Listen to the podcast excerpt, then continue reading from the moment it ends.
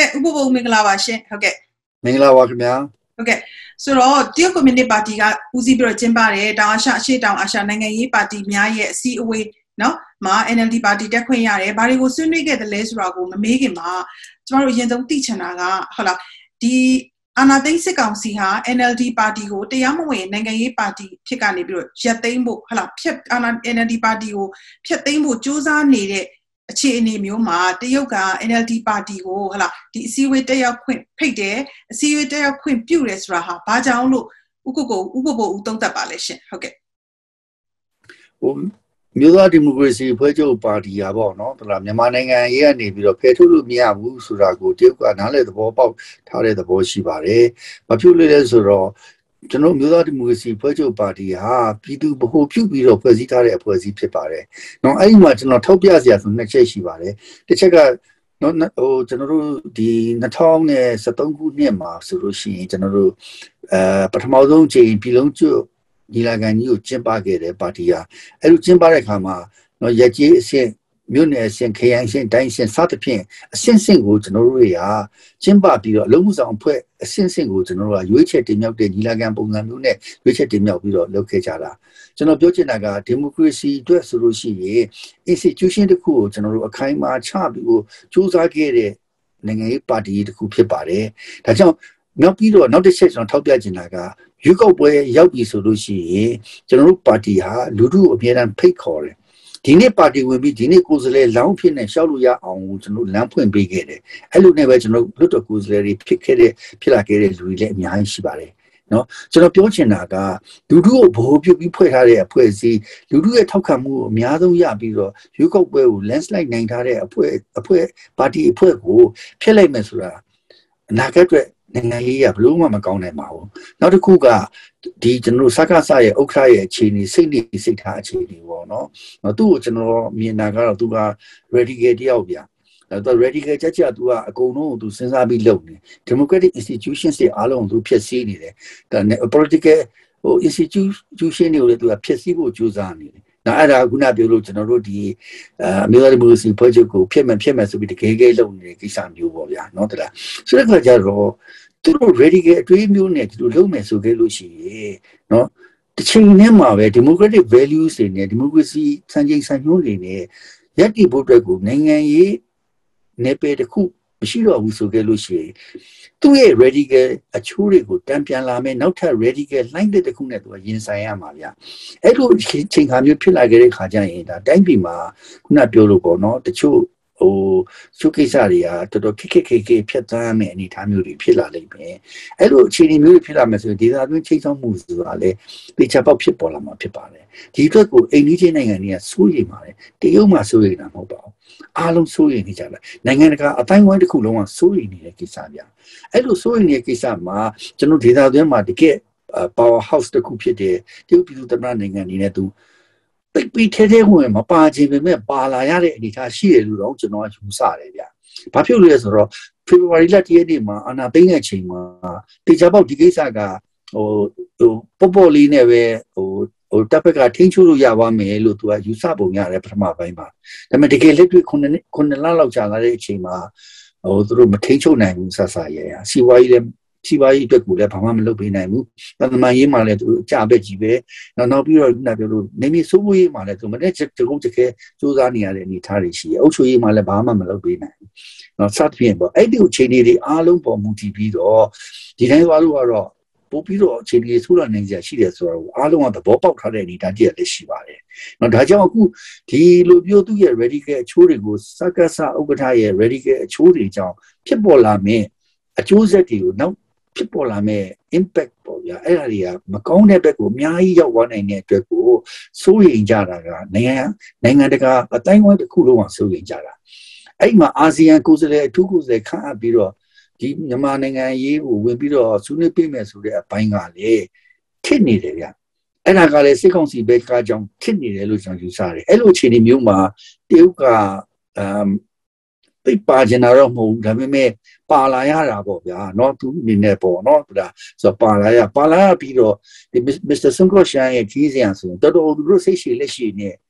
အဲစူးစမ်းခဲ့တယ်လို့ကျွန်တော်ကတော့သုံးသပ်တယ်ပေါ့ဗျာနော်ဒါသုံးသုံးသပ်တယ်ဒါအဲ့လိုစူးစမ်းတာတော့မှဟိုဘလူးခေါမလဲဟိုစက်ကစားရဲ့ဥက္ကဋ္ဌရဲ့ mindset ကပြောင်းဖို့မရဘူးရတလားအဲ့လိုကြောင့်ကျွန်တော်တို့ လူခေါ်မလဲမအောင်မအောင်မြင်ခဲ့ဘူးပေါ့နော်တဝက်တစ်ဖြစ်နေပဲဖြစ်ခဲ့တယ်လို့ပဲကျွန်တော်သုံးသပ်ချင်ပါတယ်နော်အဲ့လိုအခြေအနေမှာမြန်မာနိုင်ငံအရေးနဲ့ပတ်သက်လို့ရှိရင်တကယ် stakeholder ဖြစ်တဲ့တကယ် political institute တစ်ခုဖြစ်တဲ့နော်ဒီမြို့သားဒီမိုကရေစီအဖွဲ့ချုပ်ပြည်သူများစုထောက်ခံတဲ့မြို့သားဒီမိုကရေစီအဖွဲ့ချုပ်ရွေးကောက်ပွဲမှာဆိုရင်သူကတော့မှရွေးကောက်ပွဲကိုအောင်နိုင်ရေးမလုပ်အောင်ပြည်သူကဝင်လုပ်ပေးနေတာဗျာသလားအဲ့လိုမျိုးပေါ့နော်အဲ့လိုအခြေအနေရှိတဲ့ခါကျတော့ ဒီဒါကိုသူ့အနေနဲ့အပြစ်ဖက်ကိုမရောက်စေချင်တဲ့အတွေ့ကိုဝင်ပြီးတော့စေတနာမှန်တဲ့ကိုဝင်ပြီးပြောနေတာပါသူဒါအဲ့လိုဝင်ပြောတဲ့ဥစ္စာပေါ်မှာထိရောက်မှုရှိလားမရှိလားဆိုတော့ဆက်ဆောင်ကြည့်ရမှာပါဗျာဟုတ်ကဲ့ဆိုတော့ဒါကြောင့်မလို့ပဲတရုတ်ကဟလာ NLD ပါတီကိုရွေးကောက်ပွဲဟိုသူတို့ရဲ့ဒီနိုင်ငံရေးပါတီဆွေးနွေးပွဲကိုเนาะဟိုဖိတ်တယ်လို့ဦးဘဘသုံးသပ်တဲ့သဘောပေါ့လေဟုတ်ကဲ့ ဆိုတော့တကယ်တော့မြန်မာနိုင်ငံဟာတရုတ်နဲ့ပထဝီအနေထားရအမတန်အရေးပါပါတယ်အထူးသဖြင့်တော့တရုတ်ရဲ့ဒီပိုလန်မှာစီမံကိန်းပေါ့ one belt around all စီမံကိန်းမှာမြန်မာဟာတကယ့်ကိုအရေးကြီးတဲ့အခြေအနေအရေးကြီးတဲ့နေမြေဒေတာအဖြစ်တည်ရှိနေတယ်ဒါကြောင့်မို့သူကမြန်မာနိုင်ငံမှာနိုင်ငံရေးမတည်ငြိမ်ဘူးဆိုရင်သူ့ရဲ့စီးပွားရေးသူ့ရဲ့နောက်ပိုင်းအကျိုးဆက်တွေကလည်းအများကြီးထိခိုက်လာနိုင်စရာတွေလည်းရှိပါတယ်ဆိုတော့ ဒါအပြင်လည်းဒီအာနာသိန်းနဲ့စစ်ကောင်စီဟာအခုဆိုရင်ရုရှားနဲ့သူတို့ကပိုးပြီးတော့ယင်းနှီးမှုရအောင်ရုရှားနဲ့ပို့ပြီးတော့ယင်းနှီးဖို့ရအောင်စူးစမ်းချက်တွေလည်းရှိလာပါတယ်ဆိုတော့ဒီလိုအခြေအနေမျိုးတွေမှာတရုတ်ဟာဟလာဒီဟာကိုအ ਨੇ ဆုံးသူထိန်းနိုင်ဖို့ ဟာလာအ ਨੇ ဆုံးတတိပေးတဲ့ပုံစံမျိုးဖြစ်အောင် NLD ပါတီကိုဒီစစ်ဆန္ဒကိုတရားဝင်လုပ်လာတဲ့သဘောလားဘာလို့ဆိုဒီ NLD ပါတီကိုဖျက်သိမ်းမယ်ဆိုတာကိုသူတို့လက်မခံဘူးလို့လည်းတရုတ်ကသူတို့သဘောထားကိုပြောထားပြီးသားဖြစ်တယ်အခုဆိုရင်လည်း NLD ပါတီကိုတတဲဝင်ဝင်ပေါ့ထင်နေရှားရှားသူစစ်ဆန်မှုတွေလုပ်လာတယ်ဒါဟာဒီစစ်ဆန်ရေးပို့ပြီးတော့ကောင်းအောင်စူးစမ်းနေတဲ့စစ်ကောင်စီရဲ့ရုရှားနဲ့စစ်ဆန်ရေးဘက်ကိုနည်းနည်းလေးအဟန့်ဖြစ်အောင်လုပ်လိုက်တဲ့သဘောလားဦးဘို့ဘို့ဦးဘယ်လိုသုံးသပ်ပါလဲရှင်ဟုတ်ကဲ့ရုရှားနဲ့ ဆက်ဆံရေးရုရှားမြန်မာဆက်ဆံရေးမှာအဓိကဆက်ဆံရေးကရုရှားဒီမြန်မာတက်မတော်နဲ့ဟိုရုရှားဘက်ကနေပြီးတော့ပြုစုပြောထောင်ပေးတဲ့အပိုင်းပေါ့ဗျာနော်အဲ့ဒီဆက်ဆံရေးကအဓိကကြတဲ့ဆက်ဆံရေးဖြစ်ပါတယ်အဓိကကြတဲ့ဆက်ဆံရေးကကြောင့်သဘောကတက်ကိုဗျာတက်နဲ့ပတ်သက်တဲ့ကိစ္စတော်တော်များများကိုရုရှားဘက်ကနေပြီးတော့လုပ်ပေးတယ်ဆိုတဲ့အဓိပ္ပာယ်ပေါ့နော်ဟုတ်လားဆိုတဲ့အခါကျအဲ့ဒီအဲ့ဒီပုံမှာစိုးရိမ်နေဆိုတာကတော့အဲကျွန်တော်တို့တိတ်တော့မထင်ပါဘူး သိတော့မထင်ဘူးဆိုတာလေရုရှားနဲ့ပတ်သက်လာလို့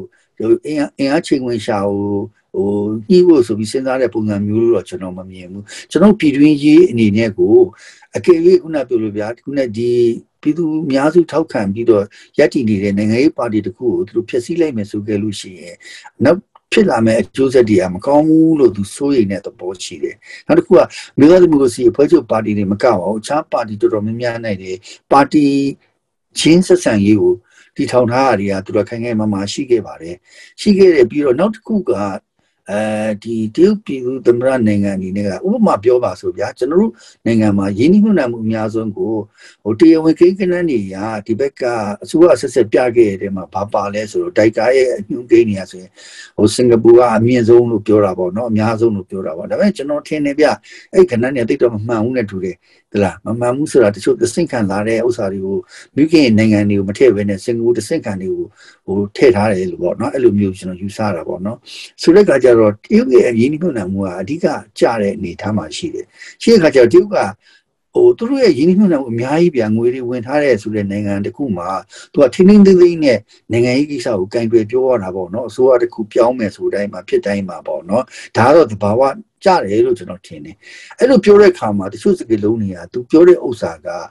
ဟိုကျွန်တော်တို့ဟိုသူ့ရဲ့အကျိုးစီးပွားကိုဝယ်သူကာကွယ်ပြီးတော့သူစဉ်းစားလိုက်တဲ့ရှုထောင့်ကနေချင်းကြိုက်တဲ့အခါမှာချုပ်စကေလုံးတွေက ဒါဟိုကျွန်တော်တို့အနေနဲ့ဆိုရင်သဘောသိပြီးတော့မကြစရာဖြစ်လာတယ်ပြည်သူလူထုအနေနဲ့ဆိုရင်သဘောမတွေ့စရာဖြစ်လာဒါကိုလည်းသူတို့ကောင်းကောင်းသိပုံရတယ်ဗျာအကောင်ကောင်သိပုံရသိပုံရတယ်ဆိုတဲ့အခါမှာစကယ်လုံးကိုပြင်ပြောဖို့အတွက်ကိုလည်းသူကတော်တော်လေးကိုချိန်ဆတဲ့သဘောလည်းရှိတာပေါ့နော်ဟုတ်လားအခုနောက်ဆုံးပြမစ္စတာဆွန်ကိုရှန်ခီစမှာဆိုရင်သူကတကယ် message ပေးလိုက်တာသူတို့ဒီတရုတ်မိုဖာနေပြီးတော့ message ပေးလိုက်တဲ့ စကလုံးကပထမဦးဆုံးခေါင်းစဉ် caption ဖမ်းထားတာပါလဲဆိုလူမှုတည်ရရေးအတွက်ဆိုပြီးတော့တဘောကကျွန်တော်စီမှာဒီလောက်ပြလူတွေတက်ခံနေရအဖြတ်ခံနေရနိုင်ငံရေးပြဿနာတွေတောင်းချောထုံပြကျွန်တော်တို့နှိတ်ကိုခံနေရပြည်သူတွေအကုန်လုံးတက်ခံအလူခံတလားမျိုးစုံဖြစ်နေတဲ့အချိန်မှာလူမှုတည်ရရေးဆိုတဲ့စကားလုံးလုံးနဲ့ကြတော့ဗျာကျွန်တော်တို့ပြည်သူတွေရဲ့နှလုံးသားကိုသူမကင်နိုင်ဘူးဗျာမဆွဲကင်နိုင်ဘူးဗျာတလားအဲ့ဒါကတော့ဒီသူတို့ရဲ့တရုတ်နီးတရုတ်ဟန်နဲ့ သူတို့ချင်းကပ်တဲ့ပုံစံမှာလိုအပ်ချက်တွေလို့ကျွန်တော်တို့မြင်တာပေါ့နော်တလားဆိုတော့ဒါပေမဲ့တစ်ချိန်တည်းမှာပဲဒါမြန်မာပြည်သူတွေအတွက်ကိုသူကဟိုစေတနာနဲ့ခုညီစုတဲ့အပိုင်းတွေကျွန်တော်အတိတ်မှမပြုတ်လို့မရဘူးဗျာတလား တလားဒါကျွန်တော်ကကိန်းကနန်းတွေရဟိုအချက်လက်တွေရပုံပေါင်းကျွန်တော်မြင်ပြီးသုံးသပ်တာပေါ့နော်တလားဒါသုံးသပ်တာပေါ့သုံးသပ်တဲ့ခါမှာအခုဆိုလို့ရှိရင်ဒီဒီ COVID-19 နဲ့ပတ်သက်တဲ့ကိစ္စတွေမှာကူညီပေးတဲ့နေရာမှာဒီ EAO ဖွဲ့တွေနော်နောက်ပြီးတော့ဒီဒီနေစားတစ်ချောင်းမှာရှိနေတဲ့ဖွဲ့စည်းတွေအကုန်လုံးပုံမှာပေးနေပါရကျွန်တော်အနေနဲ့တော်တော်အားရတယ်ဗျဒါမှန်ပြောတာဗျနော်တလားဒါဒီလိုမျိုးအဲ့လိုမျိုးအခြေအနေတွေလည်းကျွန်တော်သုံးသပ်တယ်ပေါ့သုံးသပ်တယ်ဆိုတဲ့အချိန်မှာလောလောဆယ်တရုတ်ကသူသွားနေတဲ့ခြေလမ်းကို ကျွန်တော်ပုပ်ပွင့်လင်းလင်းပြောပြောချင်တာပေါ့နော်ပြောချင်တာဆိုတာဒါကျွန်တော်ပြည်သူလူထုကြိုက်မယ်ဆိုတဲ့စကားလုံးမျိုးကိုသူကဘယ်တော့မှမပြောဘောပဲနေဟိုနည်းနည်းလေးဟိုပဲဆက်အနာသိန်းဖွဲ့ပဲကိုသူကအကာအကွယ်ပေးရဆိုတဲ့ပုံစံမျိုးလေးနဲ့ပြောလိုက်တဲ့အခါမှာတော့တော်တော်လေးကိုကျွန်တော်တို့တွေစိတ်မကောင်းဖြစ်ကြရတာပေါ့ဗျာနော်ဗျာအဲ့တော့အဲ့ဒီအခြေအနေမှာအခုအမျိုးသားဒီမိုကရေစီဖွဲ့ချုပ်နဲ့ရင်းနှီးနှီးကျွန်တော်တို့ပြန်ပြီးတော့ရှိပါတယ်ဆိုတာကိုဒါ တော်တော်ကိုတော့ publicity တော်တော်လေးပြပြနိုင်နေဗျဒါ CCTV မှာဆိုလို့ရှိရင်လည်းသူတို့ပြတယ်အဲ့မှာခုနပြောလို့ကျွန်တော်တို့မျိုးသားမျိုးစီဖွဲ့ချုပ်ကိုတော်တော်လေးကိုလေးပေးပြီးတော့ပေါ်ပြတာကိုလည်းကျွန်တော်တို့သိရတာပေါ့နော်သူကဆိုတဲ့ခါကျတော့ဒီဒီ exposure တွေအဲ့တော့တော်တော်လေးတက်လာပါတယ်ဒါကလည်းကျွန်တော်တို့ကမျိုးသားဒီမိုကရေစီဖွဲ့ချုပ်ကိုသူခုလိုမျိုးဟိုဘယ်လိုခေါ်မလဲလူလူလလရှိတယ်ဆိုတော့ကျွန်တော်အနေနဲ့မြင်တာကတော့မြန်မာပြည်သူတွေရဲ့နှလုံးသားကိုပါသူက ဟိုဘယ်လိုခေါ်မလဲချင်းကတ်တဲ့သဘောလို့ပဲကျွန်တော်သုံးသပ်ပါတယ်ဟုတ်လားအဲဆိုတော့သူတို့မှတကယ်ကိုကုညီရာတွေရှိပြီးတော့တကယ်လဲကုညီပါတယ်ကုညီကပိုင်းအများကြီးရှိတယ်ဒီပေမဲ့ဟိုဘယ်လိုခေါ်မလဲရှိဟိုတကယ်မှတ်တမ်းမှာကျတော့ဒီလူတို့ရဲ့ဟို public opinion မှာကျတော့တက်မလာဘူးရမြင်တယ်မယ်ဟုတ်လားအဲအကြောင်းကျွန်တော်ကတော့ခုနပြောလို့ပေါ့နော်ဟိုထိထိရောက်ပေါ့နော်ကျွန်တော်တို့တွေကဟိုကောင်းတဲ့လူနဲ့ဆိုးတဲ့လူနဲ့ကိုခွဲခြားပြီးပြောမယ်ဆိုရင်ကောင်းတဲ့လူကိုကောင်းတဲ့လူတိုင်း တက်တဲ့ကိုပဲပြောတာကောင်းပါလေဗျာဆိုးတဲ့လူဆိုးတဲ့လူတိုင်းတက်တဲ့ကိုပဲပြောတာကောင်းတယ်လို့ပဲကျွန်တော်တော့ပြောချင်ပါလေလားအဲ့ဒါတရုတ်ရဲ့ချင်းကပ်ပုံချင်းကပ်နည်းပေါ့ဗျာနော်ဟုတ်ကဲ့ဆိုဒီတော့ဥပဘုံအနေနဲ့တရုတ်အစိုးရရဲ့မြန်မာနိုင်ငံဆိုင်ရာနိုင်ငံခြားရေးမူဝါဒ policy ပေါ်မှာယုံကြည်မှုရှိပါသလားစိတ်ချရမယ်ထင်ပါသလားဘာဖြစ်လို့လဲဆိုတော့တရုတ်ကမြန်မာနိုင်ငံနဲ့ပတ်သက်လာရင်သူ့ရဲ့အကျိုးစီးပွားတွေအများကြီးရှိတယ်ဒီအကျိုးစီးပွားတွေကြောင့်စစ်ဆိုးရနဲ့လက်ရောညီညီတွေဖြစ်အောင်သူဆက်ဆံတာရှိတယ် ဟလာဒေတာရင်းအခြေအနေရကမ္ဘာဒီဖိအားပေးမှုဟလာကမ္ဘာရစ်စိတ်ဝင်စားမှုအရာသူ NLD ပါတီနဲ့လည်းအဆက်မပြတ်ပါဘူးဆိုတဲ့ဒီနိုင်ငံရေးသဘောအရာလည်းသူပြချင်ပုံရတယ်เนาะဒီလိုအနေအထားမျိုးမှာတရုတ်ကနေနေတယ်အဲ့တော့ဒီလိုနှစ်ဖက်เนาะညီ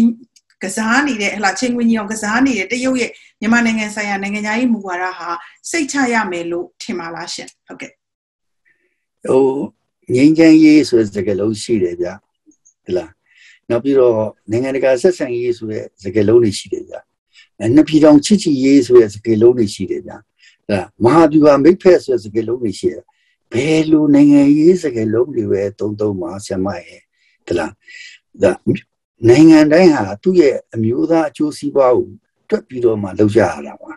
။ကျွန်တော်ပြောချင်တာကကျွန်တော်မြန်မာနိုင်ငံဟာဘာမှကြောက်စရာမလိုဘူး ကျွန်တော်တို့မျိုးသားကျိုးစီးပွားအတွက်ဆိုလို့ရှိရင်ကျွန်တော်မှန်မှန်ကန်ကန်ရွေးချယ်တတ်ဖို့ပဲကျွန်တော်တို့လိုတယ်မှန်မှန်ကန်ကန်ဆုံးဖြတ်နိုင်ဖို့ပဲပဲလိုပါတယ်ဟလားဘယ်နိုင်ငံမှာဘယ်အဖွဲ့အစည်းမှာခင်ဗျာအကျိုးစီးပွားမရှိဘူးမလာပါဘူးเนาะအားလုံး ဟုတ်ကဲ့ဟုတ်ကဲ့ပါရှင်ဆိုတော့ကျမတို့ခုနကဒီစီဝေးဘက်လေးကိုပြန်ဆက်ရအောင်ပါနော်တရုတ်နိုင်ငံရဲ့ပါတီကွန်မြူနစ်ပါတီကဥဆောင်ကျင်းပတဲ့ရှေ့တောင်အာရှတောင်အာရှနိုင်ငံတွေရဲ့ဒီပါတီရဲ့အစည်းအဝေးမှာ NLD ကိုဖိတ်တယ်ဥပပိုတို့ဥဆောင်ပြီးတော့ဒီဟာကိုတက်ကြတယ်နော်အဖွဲ့ဝင်တွေတက်တယ်ဆိုတော့ဒီဆွေးနွေးပွဲအတွင်းမှာမြန်မာနိုင်ငံအတွက်ဘယ်လောက်အထိဟလာဆွေးနွေးခွင့်ရခဲ့တယ်ဘာတွေပြောခဲ့ရတယ်ဆိုတော့ဒီဆွေးနွေးပွဲလေးအကြောင်းပေါ့ကျွန်မသိချင်ပါတယ်ရှင်ဟုတ်ကဲ့ဟိုကျွန်တော်တို့ပါတီကိုသူတို့ဘေဂျင်းနေပြီးတော့ဖိတ်တဲ့အခါမှာ ဖိတ်စာမှာကျွန်တော်တွေ့ရတယ်ပေါ့နော်တွေ့ရတဲ့အခါမှာငကိုရီးယားကျွန်တော်တို့အဲ့မှာဟိုဆွေးနွေးဖို့စာမပါဘူးစာကိုတက်တက်ပွဲပဲပါပြီးသားပါအဲ့အတွက်ကျွန်တော်တို့ကစောတကလည်းမတက်ခဲ့ပါဘူးဟလားဒါပေမဲ့ကျွန်တော်တို့ကကြိုတော့ပြင်သွားတယ်ဗျာဟိုတကယ်လို့များပြောခွင့်ရခဲ့နှုတ်ဆက်ခွင့်ရခဲ့ဘယ်ရလေးပြောမယ်ဆိုတာပေါ့ဟိုတော့ကျွန်တော်ပြင်သွားတာပေါ့နော်ဟလားဒါပေမဲ့ဟိုငကို agenda ထဲမှာမပါဆိုကျွန်တော်တို့ဟိုပြောစရာမလိုဘူးဆိုတာကိုလည်းအသိပေးထားတယ်လို့ဟိုကြတော့လေ ဟိုပါတီပေါင်း40လောက်တက်တာပေါ့နော်နိုင်ငံပေါင်း6နိုင်ငံလောက်ကအဲ့မှာဟိုဟိုအားလုံးဆွေးနွေးခဲ့တဲ့ပါတီပေါင်း10ပါတီလောက်ပဲရှိမယ်နဲ့တူတယ်ဗျာနော်သလားစက်ကကြအချိန်ရောခုနပြောတဲ့အခြေအနေရအောင်ပေါ့နော်အစရချုပ်ထားရတဲ့အတွက်ဆိုကျွန်တော်တို့ကနားလဲပါတယ်ဒီအတွက်ကိုတော့ဟိုကျွန်တော်ကဟိုဘယ်လို့မှစိတ်ထဲမှာစနိုးစနောက်မဖြစ်ဘူးငကိုတွေကကျွန်တော်တို့ဖိတ်ကလေးက ဟိုပြောကြမလို့ပါဘူးဆွေးနွေးကြမလို့ဘူးဆိုတော့ကြိုပြောထားပြီးသားအဲ့ဒါကိုလည်းကျွန်တော်လက်ခံထားပြီးသားဒါပေမဲ့ကျွန်တော်မပြောချင်ဘူးလားဆိုရင်တော့ပြောချင်တာပေါ့ဒါပေမဲ့ဒီဒီပွဲရလည်းပြဒါဒါဒုတိယနှစ်လုပ်တဲ့ပွဲပေါ့နော်ကျွန်တော်သိသလောက်ပေါ့နော်ဆိုတော့ဒီပွဲတွေ့ကြအခုရသွားဆိုချင်မှနောက်တစ်နေ့ဖိတ်မယ်ဆိုရင်တော့ကျွန်တော်ကတော့အဲ့ဒီချိန်တိုင်းတော့ဖိတ်မယ်ဆိုရင်တော့ကျွန်တော်ပြောမှာဟာငါတို့လည်းဆွေးနွေးချင်တယ်ပေါ့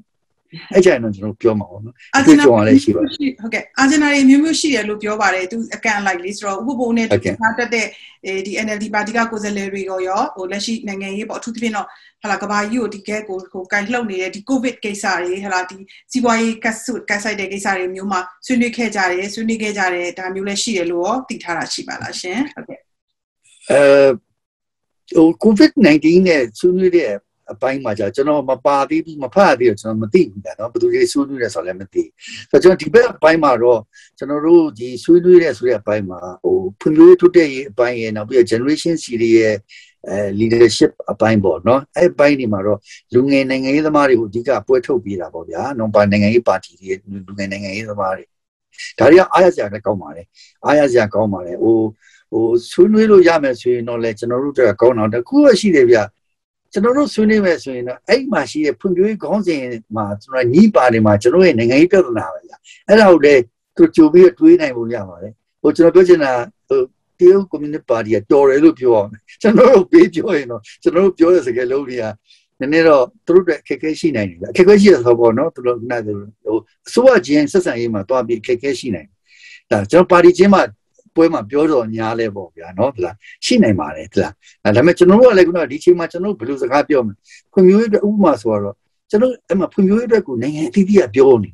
လားဒါ infrastructure နဲ့ပတ်သက်ပြီးတော့ဟိုဟိုတိုးတက်အောင်လုပ်နေတဲ့ကိစ္စတွေနော်စီးပွားကူးသန်းနဲ့ပတ်သက်ပြီးတော့လုပ်နေတဲ့ကိစ္စတွေ e-commerce နဲ့ပတ်သက်ပြီးတော့လုပ်နေတဲ့ကိစ္စတွေစသဖြင့်ပေါ့နော်နော်အားရစရာဗျာအားလုံးကဒါဒါပေမဲ့ကျွန်တော်စိတ်ကောင်းဖြစ်ရ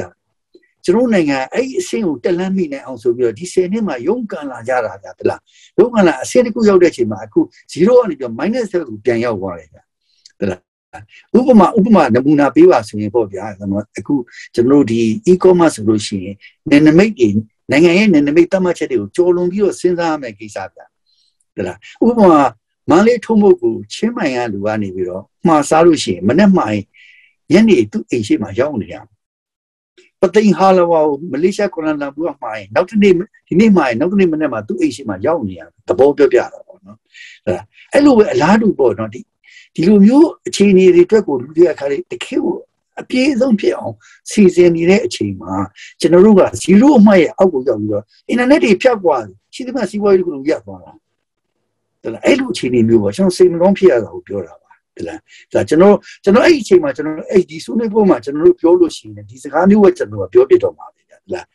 အဲ့တော့သူတို့ခုနပြောလို့ဗျာဟိုဟိုအပြုသဘောဆောင်တဲ့တူတက်မှုတွေအတွက်ကိုဆွေးနွေးနေတဲ့ပွဲမှာတော့နည်းနည်းလေးတော့သူတို့တွေလည်းမိမသာတော့ဖြစ်နိုင်တာပေါ့ဗျာနော်ဒီပိုင်းတွေတော့ရှိမှာပေါ့နော်ဒါပေမဲ့နောက်တစ်နှစ်ကြာရင်တော့တကယ်လို့အဲ့လိုဖိတ်ခဲ့ရင်တော့ကျွန်တော်တို့ကလည်းပြောချင်တယ်ဆိုတော့ထပ်ပြောမှာပါဒါအတွေ့အကြုံကလည်းကျွန်တော်လူသေးတာပေါ့နော်ဟုတ်ကဲ့ဟုတ်ကဲ့ဟုတ်ကဲ့ ဆိုတော့ဟိုစားတခြားနိုင်ငံရေးမြန်မာနိုင်ငံကနိုင်ငံရေးပါတီတချို့လည်းပါတယ်ပြောပါတယ်ဟိုမှာကြက်ခိုင်ဖွံ့ဖြိုးရေးတို့ရခိုင်ဘက်တို့သူတို့တွေရောဒီဟာမှာဆွေးနွေးခွင့်မရဘူးလားအတူတူပဲလားဒီဖိတ်တွေကလေဒီမြန်မာအာဂျင်နာမပါဘူးဆိုတော့သူတို့တွေရောဆွေးနွေးခွင့်ရတယ်လို့ဥပဘုံသိထားတာရှိပါလားရှင်ဖိတ်စာကသူတို့စီဘယ်လိုပုံစံသွားဆိုကျွန်တော်မသိဘူးပေါ့နော်ကျွန်တော်ပါတီဘက်ကိုပိတ်တဲ့ဖိတ်စာတော့ကျွန်တော်သိတာပေါ့ဆိုတဲ့အခါကျတော့ပြီးတော့နောက်ခုနပြောလို့ကျွန်တော်ကဒီဒီပထမပိုင်းအစီအစဉ်ပြီးတဲ့အချိန်မှာဒုတိယပိုင်း parallel ဟို forum ကိုတက်တဲ့အချိန်မှာကျွန်တော်ကဒီ generation C leadership forum ဘက်ကိုရောက်သွားတဲ့ခါကျတော့ covid-19 နဲ့ပတ်သက်တဲ့ဘက်မှာကျတော့ကျွန်တော်မပြောတတ်ဘူးလေသူတို့ဆွေးနွေးလားမဆွေးနွေးလားမသိဘူးကြာနော်အဲ့တော့ဟုတ်ကဲ့နောက်ဆုံးမေးကလေးတစ်ခုပါရှင်အခုတက်ခဲ့တဲ့ဒီ forum မှာဟလာ generation Z တွေနဲ့ပတ်သက်ပြီးတော့ဒီဆွေးနွေးတဲ့အခန်းကဏ္ဍကိုရောက်သွားတယ်ဆိုခါကျတော့ကိုကဆွေးနွေးခွင့်မရဘူးဆိုပေမဲ့ဒီဆွေးနွေးပွဲအတွင်းမှာမြန်မာနိုင်ငံက generation Z တွေရဲ့ ကျိုးပန်းမှုအခြေအနေအကြောင်းတွေဘာတွေရောဟိုဆွေးနွေးသွားကြတာတင်ပြသွားကြတာအတိအမှတ်ပြုသွားတဲ့ပုံစံမျိုးတွေမျိုးတွေ့ရတာရှိပါလားရှင်ဟိုမြန်မာနိုင်ငံကိုရည်ညွှန်းပြီးတော့ဆွေးနွေးွားတွေတော့မရှိပါဘူးသက်ဆိုင်ရာသူတို့နိုင်ငံနေအနေနဲ့လုပ်နေကြတဲ့ဂိုင်နေကြတဲ့ဟာတွေပဲအဓိကအလေးပေးပြီးတော့ဆွေးနွေးသွားကြတာပါဗျာ ဟုတ်ကဲ့ဆိုတော့ဒီအခုလိုမျိုးကျမတို့မြစင်မဌာနကိုအင်တာဗျူးပေးတဲ့အတွက်ဥပ္ပဘဦးကိုကျေးဇူးအများကြီးတင်ပါတယ်ရှင်ဟုတ်ကဲ့ရှင်ဟုတ်ကဲ့ကျွန်တော်လည်းကျေးဇူးတင်ပါတယ်မြစီမဦးရဟုတ်ဟုတ်ကဲ့ကဲ့ပါရှင်အောင်မြင်ပါစေပေးကင်းပါစေဟုတ်ကဲ့ကျေးဇူးပါရှင်ဟုတ်